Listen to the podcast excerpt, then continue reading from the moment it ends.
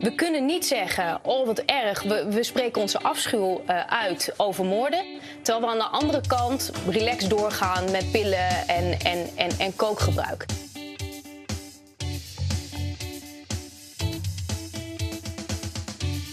Hallo. Wij zijn nog steeds niet wakker. Verspreiden nog steeds onze wokstront. En wij kotsen dagelijks onze opiniebraaksel uit over het Nederlandse volk. Wij zijn linksgeleuter. Linksgeleuter. Geleuter. Geleuter. Geleuter. Geleuter. Geleuter. Geleuter. Linksgeleuter. Uw opiniemaker is Bastiaan Torenent. Een hele goede dag en welkom bij deze nieuwe aflevering van de podcast Links Geleuter.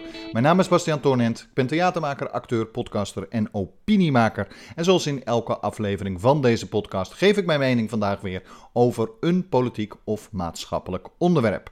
Nu kunt u deze podcast natuurlijk vinden op Spotify, Apple Podcasts, Google Podcasts en diverse andere podcastplatformen. En tevens verschijnen er altijd uh, audio- en videofragmenten op YouTube en op mijn Facebook fanpage. Wilt u nou meer over mij weten, en of over de podcast of over de projecten die ik doe? Kijk dan even op mijn website en dat is www.torenent.nl. Goed, waar gaan we het over hebben vandaag? Nou, we gaan het vandaag hebben over de georganiseerde misdaad, of thans beter de bestrijding ervan. En met name op wat de politiek nou weer wil gaan doen. Wat zijn de nieuwe plannetjes? Want de begroting van uh, de veiligheid en dergelijke waren er. En dan ging het natuurlijk veel over de eh, georganiseerde misdaad. Zeker omdat we natuurlijk de laatste twee, drie jaar een behoorlijke verharding hebben gezien. Zeker als je kijkt naar de liquidaties. Uh, een uh, broer van een uh, kroongetuige die vermoord werd. Een advocaat die vermoord werd. En natuurlijk ook Peter R. de Vries afgelopen zomer nog. En ja, de ondermijning van de staat, van de rechtsstaat, is vrij groot door de georganiseerde misdaad. En de politiek moet het inderdaad serieuzer nemen. Ik heb al eerder een keer een oproep gedaan hiervoor. dat was nadat. Frank Paul, dat is de politiechef van Amsterdam, en Martin Sittelsing, politie van Midden-Nederland, uh, chef. En Gerre van Leeuwen, ook chef, uh, maar dan van Zeeland en West-Brabant. Die deden gezamenlijk een oproep in Buitenhof. Dat was uh, volgens mij 10 oktober of dergelijke. En daar riepen ze vooral de politiek op om te zorgen dat de politie met name de middelen en het geld krijgt om um, dit aan te kunnen pakken. Want het vernieuwt steeds, zeker als je het hebt over cybercrime. Dat is heel erg toegenomen, zeker sinds de coronatijd.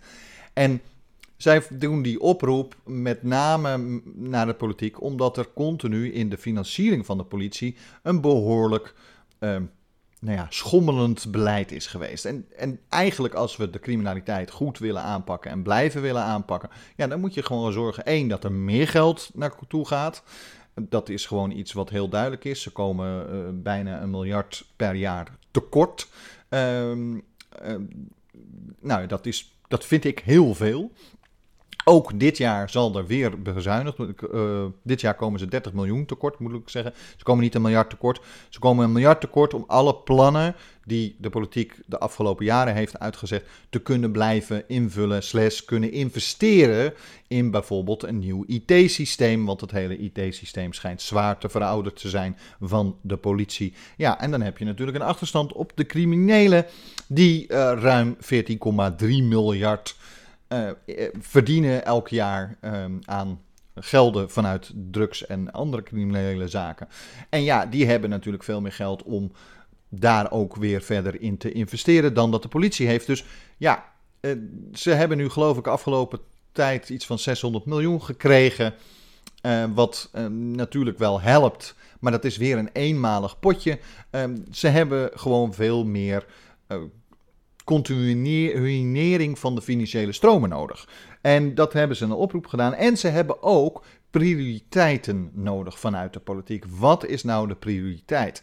En als zij continu nog steeds een heleboel dingen die ze in het verleden deden moeten blijven doen. En daar komen alleen maar meer extra taken bij. Ja, als er dan geen geld bij komt, dan wordt dat toch wel lastig. En dan begint de politie langzamerhand de oorlog met de georganiseerde misdaad. Want zo kan je hem bijna wel noemen. Begint hij te verliezen. Nou, dus je verwacht van de Kamerleden, als dit gaat besproken worden, dat ze met gedegen plannen komen. Dat ze met duidelijke standpunten of duidelijke keuzes in hun nieuwe uh, mogelijke voorstellen um, komen. En uh, dat, dat ze een beetje weggaan bij wat vroeger was. Nou, dat is niets is minder waar, want Anne van Kuik heeft het gisteren uitgelegd. Het is CDA-Kamerlid belast met uh, de criminaliteit en dergelijke uh, als portefeuille. Zij heeft gisteren een, het plannetje wat de CDA opgesteld heeft in een soort rapport, heeft zij um, gisteren in de begroting natuurlijk uh, voorgesteld, maar ze heeft het ook gisteren bij Goedemorgen Nederland. kwam ze dat even vertellen wat nou precies het inhoudt. En in feite is het in deze zin, die eerste zin, die, uh, ze, een van de eerste zinnen, is eigenlijk het hele plan al mee gezegd. En um, nou ja, dan kunt u misschien ook gelijk begrijpen waar de rest van deze podcast over gaat als u deze zin gehoord heeft. Ja, we zien gewoon dat Nederland gewoon een heel fijn vestigingsklimaat is voor grote drugscriminelen. Die wanen zich onaantastbaar en die ondermijnen onze rechtsstaat. Je ziet gewoon intimidatie, liquidaties, moorden.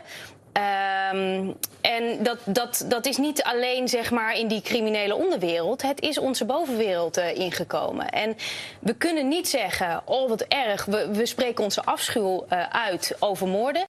Terwijl we aan de andere kant relaxed doorgaan met pillen en, en, en, en kookgebruik. Ja, u hoort het heel goed. Het CDA neemt nog steeds de gebruiker, de drugscriminaliteit, kwalijk. Zij gaan er nog steeds van uit dat de gebruiker mede veroorzaker is van de extremere groei in de georganiseerde misdaad in Nederland en ook aan de verharding van de georganiseerde misdaad. Zogenaamd dat Peter R. de Vries zijn dood, daar zijn dan zogenaamd de recreatieve gebruikers van een pilletje of van cocaïne, zijn daar dan mede schuldig aan. Nou ja, CDA-minister Grapperhaus heeft dat eigenlijk al eerder aangegeven, heeft ook eerder aangegeven dat hij gebruikers ditzelfde kwalijk neemt. Spreek gebruikers van harddrugs erop aan, de mensen die het recreatief gebruiken, in het weekend op het festival of in de kroeg en dan door de week. Ik zeg, luister, je doet twee dingen. Eén, hoe je het ook bent of verkeerd, je helpt mee deze organisaties te financieren. En twee, je draagt ook bij aan een soort normalisering van dat harddrukgebruik. Waarvan ik zeg tegen mensen die dat nu doen, die normalisering die hadden we 15 jaar geleden niet. En dat is de grootst mogelijke onzin die Grappenhaus nu uitspreekt. Nou, ik weet niet waar hij 15 jaar geleden zat. Waarschijnlijk, uh, volgens mij, onder een boom. Want hij heeft niet kunnen zien dat toen die tijd uh, drugsgebruik en vooral pillen en kook eigenlijk al behoorlijk normaal waren. Um, ik was zelf uh, tiener, meer dan twintig jaar geleden was ik nog een tiener. Um, en toen was het al vrij normaal.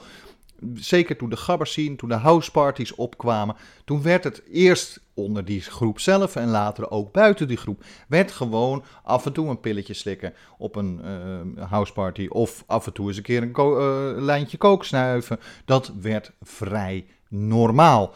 Heel eerlijk, ik heb er ook wel eens aan meegedaan. Dus daar uh, wil ik gewoon eerlijk over zijn. Het gaat mij erom dat hij doet alsof het iets nieuws is, maar dat is niet nieuw. Dat gebruik is niet in die jaren veel veranderd. Er is wel iets meer gebruik als je de cijfers neemt, maar dat heeft ook met uh, het verkrijgen. Het is nu iets makkelijker te verkrijgen. En heel eerlijk, cocaïnegebruik is omhoog gegaan. Maar dat komt ook gewoon puur omdat de prijs van cocaïne veel lager is geworden in de, jaren. Dus in feite is uh, dat gedaald. De prijs van cocaïne is gedaald. Dus ja, dan is het gebruik of het aanschaffen ook een stuk eenvoudiger.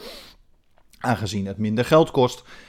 Maar in ieder geval, het gebruik zelf is nimmer weg geweest heel eerlijk, in de jaren, uh, hoe heet het, 1900 eh, zoveel, was er al heel veel drugsgebruik. Opium was ook verboden. In eerste instantie niet en later wel, werd het ook verboden. Zijn mensen gestopt met opiumgebruik? Absoluut niet. En toen opium niet meer makkelijk te verkrijgen was, stapten ze over naar een ander. Er zal altijd drugs gebruikt worden. Het idee dat je dat nog steeds in kan delmen en dat je ook gebruikers eigenlijk verantwoordelijk stelt voor wat er in de criminaliteit gebeurt, is natuurlijk moge- groot mogelijke onzin. Kijk, het feit dat de hele drugswereld en de criminaliteit ervan, dat dat ook eh, geïntegreerd is en dat we altijd wel dingen kunnen vinden overal en weer. Ja, dat zeggen zelfs eh, diverse hoogleraren. Een van de hoogleraren die hierin gespecialiseerd is in eh, criminaliteit en vooral drugscriminaliteit is Twan Spapens eh, van de Universiteit van Tilburg. En hij zegt er het volgende over, over de integratie van drugscriminaliteit in de Nederlandse samenleving. Drugscriminaliteit is, is echt overal. Ik hoef mijn deur maar uit te lopen en dan eh, kan ik eh, zo een aantal plekken aanwijzen. Een café waar eh, de onderwereld bij elkaar komt. Plekken waar wietkwekerijen hebben gezeten. Een, nagelstudiootje van de vriendin van, van een grote crimineel. Dat, geeft wel aan hoe, ja, hoe verweven het is en hoe zichtbaar het is eigenlijk. Ja, en dat deze hoogleraar dat aangeeft, dat hij het zelfs kan zien, nou ja, zal hij er ook heel veel verstand van hebben. Maar ook een gewoon iemand kan het heel makkelijk zien dat ja, de drugscriminaliteit is behoorlijk verweven met de Nederlandse samenleving. Moeten we daar genoegen mee nemen? Nee, absoluut niet. Moet daar de politie tegen optreden? Ja, eh, wel. Maar zorg er dan ten slotte voor dat de politie ook de middelen en de financiën krijgt om dit te doen. Wat is er namelijk bij de politie aan de hand? Eh, Frank Paul, eh, Martin, eh, Martin Sita Sling, ik weet niet zeker of ik die naam goed uitspreek, en Gerda van Leeuwen. Zij zijn de politiecommissarissen van Zeeland, West-Brabant, Midden-Nederland en, polities, eh, en de politie. Frank Paul is natuurlijk de politiechef van Amsterdam. Of commissarissen, zoals je vroeger altijd zei. Zij geven al heel lang aan dat ze structureel te weinig geld krijgen. Ieder jaar moeten ze, dit jaar ook weer, hebben ze bijna 30 over de hele nationale politie, hebben ze 30 miljoen te weinig. Dus moet er weer bezuinigd worden bij de politie. Ja, als je elke keer moet bezuinigen en er is zulke wisselend beleid en je hebt wisselende instroom, plus dat je hebt ook nog vergrijzing. Er schijnen aankomen tussen nu en 2025 schijnen er 17.000 politiemensen weg te gaan omdat ze gewoon uh, met pensioen gaan. Dan heb je het nog niet eens over dat de werkdruk te hoog is of dergelijke, maar dan heb je het alleen maar over mensen die met pensioen gaan. 17.000 uh, mensen gaan er weg. Zo snel kunnen ze niet die 17.000 vervangen. Bovendien hebben ze al een personeelstekort. Daarnaast hebben ze ook nog eens een keer hele oude apparatuur en materieel. Bijvoorbeeld de IT schijnt zwaar verouderd te zijn van de politie. Nou, hoe kunnen zij dan bijvoorbeeld cybercrime uh, gaan uh, aanvechten terwijl ze niet de goede apparatuur hebben? De criminelen lopen sowieso altijd al voor op politie en wat dan ook met dit soort technieken. Maar ja, als de politie dan ook nog eens een keer onnodig continu moet bezuinigen en dergelijke. En er geen langetermijnvisie is. Dus iedere keer als het weer uh, lijkt dat, uh, dat er niet heel veel op dat moment speelt, dan is de politie, net zoals dat de zorg vaak de lul is en, en ook de cultuursector vaak de lul is, wordt er daar meteen op bezuinigd. Terwijl dit zijn nou juist posten waar niet op bezuinigd moet worden. Wil je ervoor zorgen dat de politie de taken aan kan? Dat de drugscriminaliteit verweven is met de Nederlandse samenleving is een feit. En dat dat aangepakt moet worden, dat ga ik ook niet ontkennen. En ik vind gewoon dat de politie dat krijgt. Maar er is één ding die het CDA steeds vergeet. Want wij zijn zogenaamd als gebruikers, als, als je een gebruiker bent, ben je zogenaamd medeverantwoordelijk voor die drugscriminaliteit. Maar hoe zit dat met de verantwoordelijkheid van het CDA? Want wie zorgt ervoor dat het, de drugscriminaliteit nog steeds een eigenlijk een soort vaste inkomsten heeft, uh, standaard, dat is het CDA. En hoe kom ik daarop? Nou, heel simpel, door de, het belachelijke gedoogbeleid wat we nog steeds hebben rondom wiet. Nog steeds is het zo dat telers uh, moeten nog steeds in het geheim telen. Uh, coffeeshops moeten nog steeds illegaal inkopen. En natuurlijk, ze verkopen het legaal. En het stomme is, dat kost ook politiekracht. Dat kost ook, dat is extra criminaliteit die er is. Het is gecriminaliseerd. Terwijl als je decriminaliseert, de wiethandel en de uh, wietteelt, et cetera, et cetera, dan scheelt dat de politie, let op, bijna 200 miljoen, politie en gemeente moet ik erbij zeggen, meerdere instanties, 200 miljoen aan handhavingskosten. Daarbij komt, uh, schijnt uit het rapport, dat alleen aan accijns en btw als je de re- geregistreerde drugs, eh, softdrugshandel, dus wiethandel, dat is ongeveer zo'n 300 miljoen per jaar wat er omgaat in, de, in alleen de wiethandel. Ehm, die, deze 300 miljoen, als je die zou belasten, eh, met accijns en met BTW, dan komt, eh, komt dat uit op zo'n 405 miljoen per jaar wat de overheid extra binnen heeft. Nou, geef die 405 miljoen meteen aan de politie voor cybercrime en voor de harde aanpak van georganiseerde misdaad. En zij hebben ook geen begrotingstekort meer. Het, het gaat mij erom dat het CDA heel dubbel is. Ene kant vinden ze dat gebruikers niet meer moeten gebruiken. En dat ze eh, dat, dat die mede verantwoordelijk zijn voor de drugscriminaliteit. Maar hun eigen verantwoordelijkheid, hun eigen medeverantwoordelijkheid voor die drugscriminaliteit, dat ze verreweg een grote impuls krijgen, dat willen ze maar niet eh, aanpakken en niet, maar, eh, niet eh, legaliseren. En terwijl die redenen waar, die zij continu aandragen, want dat leidt tot nog meer gebruik en wat dan ook, die zijn al heel lang die punt. Bovendien is het toch bizar dat Amerika in verschillende staten het al legaal is, gewoon ook recreatief gebruik van wiet. Terwijl in Nederland wij nog steeds op ons eh, gedoog blij- blijven zitten. Wat ik ermee bedoel te zeggen is dat het CDA eigenlijk zo hypocriet is als wat. Maar daar gaan we het zo nog even verder over hebben. Houdt u ervan om even op een andere manier naar een nieuwsitem te kijken? Vindt u het leuk om vijf of zes minuten even te focussen op de komische, belachelijke en bizarre aspecten van een politieke situatie? Of wilt u juist een moment ontsnappen van de dagelijkse beslommeringen? Dan is de podcast Geëngageerd Gelul iets voor u. In deze podcast lees ik, Bastiaan Toornen, theatermaker en podcaster, een korte, komische, gevoelige of juist serieuze column voor met een kwinkslag. Alle soorten onderwerpen kunnen langskomen in de columns en geven net een andere kijk op politiek, maatschappij of gewoon het dagelijkse leven. De podcast Geëngageerd Gelul is te vinden op Spotify, Apple Podcasts, Google Podcasts, YouTube en nog veel meer podcast- en videoplatformen. Voor meer informatie gaat u naar www.torenent.nl. De hypocrisie van het CDA met hun nieuwe plan, wat ze nu bij de begroting ook hebben aangegeven van veiligheid en eh, anti- anti-criminaliteit, die zien ze zelf steeds maar niet in. Bovendien gaat het continu uit, en dat is hetgene wat me het meeste stoort, uit van aannames die niet waar zijn.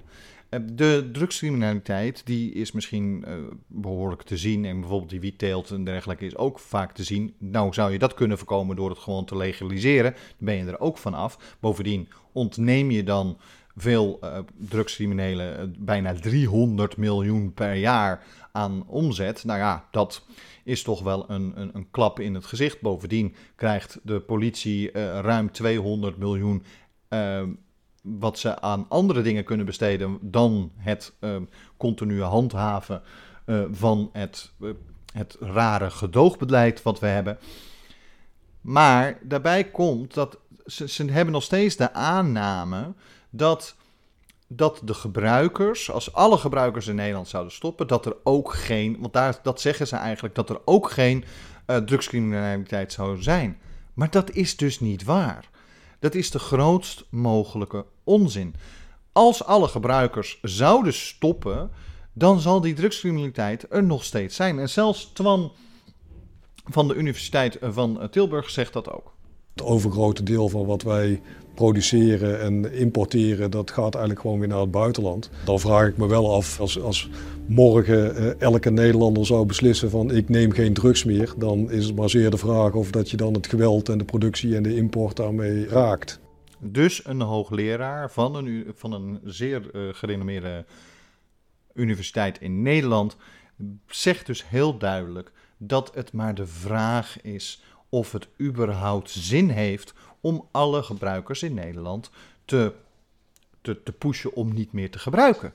Want ook al zou iedereen stoppen met gebruiken, dan is het maar de vraag of de georganiseerde misdaad daar echt iets van merkt. Ja, het lokale dealertje bij u op de hoek van de straat, ja, die zal geen omzet meer hebben. Ja, Maar dit verplaatst wel weer. Die wordt dan misschien courier of eh, weet ik veel wat dergelijke. Bovendien is er al heel lang bewezen vanuit de politie notabene zelf en vanuit diverse criminologen dat wat is de meeste grootste oorzaak van criminaliteit en van uh, georganiseerde misdaad, of tenminste uitgroeien tot georganiseerde misdaad? Dat is doorgaans de thuissituatie, de uitzichtloze situatie van, van, van, van wijken waar ze in zitten.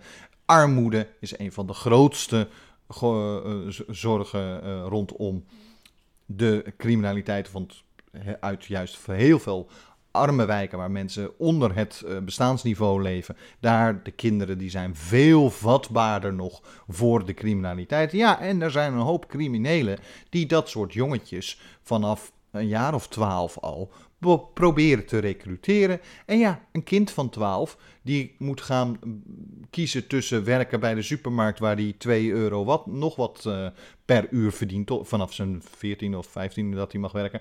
Of dat hij op zijn twaalfde al, nou ja, een paar honderd uh, euro per keer verdient. Ja, die is daar. De meeste van hen zijn daar niet zo mee bezig. Zeker niet als uh, mama en papa of weg zijn omdat ze keihard moeten werken, of omdat papa en uh, mama gewoon dusdanig arm en dusdanig weinig geld hebben, zodat ze nooit mooie spullen hebben, nooit dingen. Dat geld is te aanlokkelijk. We zouden iets aan de armoede doen. We zouden iets aan de bestrijding van de oorzaken dat mensen in de criminaliteit belanden moeten doen. Een hoger minimumloon, een hogere uh, uitkering. Dat soort dingen helpt meer dan dat je zegt: nee, alle gebruikers moeten harder aangepakt worden en je moet weer gewoon uh, gehandhaafd worden op uh, dat je drugs, uh, dat je harddrugs hebt, ook al is het maar een grammetje, dan moet je gewoon in de cel belanden. Dat is eigenlijk het idee van het CDA. Dat is geen nieuw idee, want ze doen, presenteren het als een nieuw plan. Het is een plan wat al heel oud is van hun. En ze zeggen dat al jaren en jaren en jaren. Maar zelfs hier, kijk, het is een conservatieve partij, dat snap ik. Maar zelfs hierin zijn ze niet alleen maar conservatief en ouderwets, maar ze zijn ook gewoon blind. Want je houdt zelfs je ogen uh, uh, dicht ten opzichte van de politie. En eigenlijk zeg ik hiermee dat, je, dat het CDA, ook met dit nieuwe plan, eigenlijk de politie niet erkent. De politie weet er toch meer van als dat de ministers en die Kamerleden ervan weten. De politiechefs die praten toch niet uh, voor Jan met korte achternaam. Zij weten waar ze het over hebben. En als die aangeven dat bijvoorbeeld armoede bij gemeentes moet bestreden moet worden, uh, dat de harde criminaliteit inderdaad gewoon hard aangepakt moet worden, dat zij zelf meer middelen en meer uh, financiën moeten hebben om dat ook te kunnen leveren. Maar ook dat de wiet gewoon gelegaliseerd moet worden, zodat dat automatisch niet meer een, een, een, een groei mogelijkheid is om de criminaliteit in te gaan. Want dat is het nu vaak. Tachi, uh, iedereen kent hem. Uh, Tachi is uh, begonnen als een heel klein wietdealertje.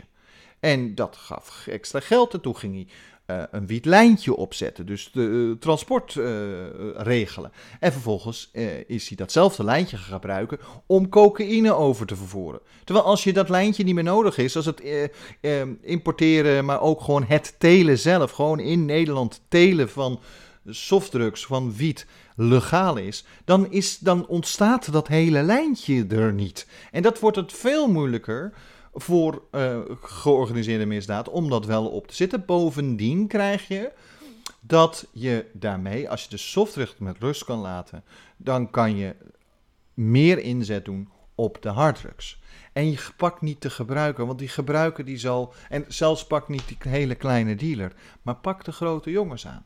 En doe dat niet door continu maar naar het gebruik, naar de kleine dealer te pakken, naar de, naar, naar, naar de cocaïne-invoer, maar door het geld af te pakken. Dat zegt uh, Femke Halsema van, uh, van Amsterdam, burgemeester van Amsterdam, heeft dat ook al geroepen. Er zijn meerdere gemeentes die dat roepen. Van joh, je moet de makelaars aanpakken die zich hiermee... Je moet het belastingssysteem veranderen. Je moet het geld direct kunnen afpakken van dit soort criminelen. En direct terug kunnen stoppen in een wijk waar dit soort criminaliteit vaak voorkomt, zodat die wijken opknappen, zodat die jongeren een perspectief krijgen en dus de keuze voor de criminaliteit ook kleiner wordt.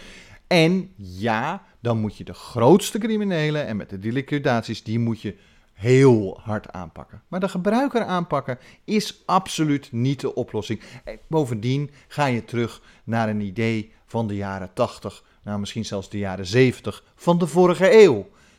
We zijn in 2021. Al die rapporten zijn toch niet voor niets geschreven. Nou, ik hoop, dit is mijn mening, ik hoop echt dat het CDA, dat er niet geluisterd wordt naar het CDA, naar dit plan, dat ze het gewoon naast zich neerleggen. Laat die gebruiker nou met rust. Dat is niet het grootste probleem. Dat is absoluut niet de prioriteit van de politie en met recht dat dat niet de prioriteit is. Bovendien, drugsgebruik kan je toch niet tegengaan. Mensen zullen, ook al pak je het keihard aan, mensen zullen het nog steeds doen. Het is zelfs zo dat er een tijd uh, geleden een rapport is verschenen en dat in de landen waar ze uh, drugsgebruik harder aanpakken, zoals Frankrijk en zo, dat daar procentueel meer drugs gebruikt wordt. Dus de harde aanpak werkt niet. Nou, als zelfs Amerika langzamerhand, waar ze veel conservatiever zijn, en zeker ten opzichte van drugs, bovendien speelt daar vaak nog een rassengebeuren uh, mee met de hele aanpak van drugs. Um, als ze daar zelfs tot dezelfde conclusie komen: van joh, de harde aanpak, de war on drugs, werkt niet. We moeten het op een andere manier doen. Ja, dan, dan vind ik het toch wel heel ouderwets. En, en, en nou ja, in feite is het CDA blijven steken in de tijd. En heeft dus nog steeds niet door hoe ze hier nou mee om moet gaan. Ga nou eens een keer luisteren naar de specialisten. Zoals zo'n uh, hoogleraar, zoals de politiechefs. Want die weten veel beter waar zij dagelijks tegenaan lopen. Die weten veel beter hoe het binnen zo'n criminaliteit werkt en hoe jongeren en jonge kinderen langzamerhand verleid worden om in die wereld in te gaan. Dat komt vaak omdat daar de gevolgen vaak niet heel groot voor zijn. En de uitzicht wat ze hebben op een gewoon perspectief heel klein is. En daarbij moet ik ook zeggen, het gebruiker is vaak niet de dealer, dus ook niet de veroorzaker van dat soort criminaliteit. Goed, dat was het weer van vandaag. Uh, geef uw mening, dat kan natuurlijk. U mag het met me oneens zijn, u mag het met me eens zijn. Schrijf een mailtje naar geleuter.torenent.nl. Ook kunt u natuurlijk onder de YouTube-filmpjes altijd een berichtje laten. Maar u kunt natuurlijk ook uh, via mijn website reageren op deze podcast. Ik vind het altijd leuk als u reageert. En misschien noem ik uw reactie wel in een volgende uh, aflevering. Nou, voor, ik weet niet precies wanneer ik er weer ben, maar in ieder geval tot de volgende keer.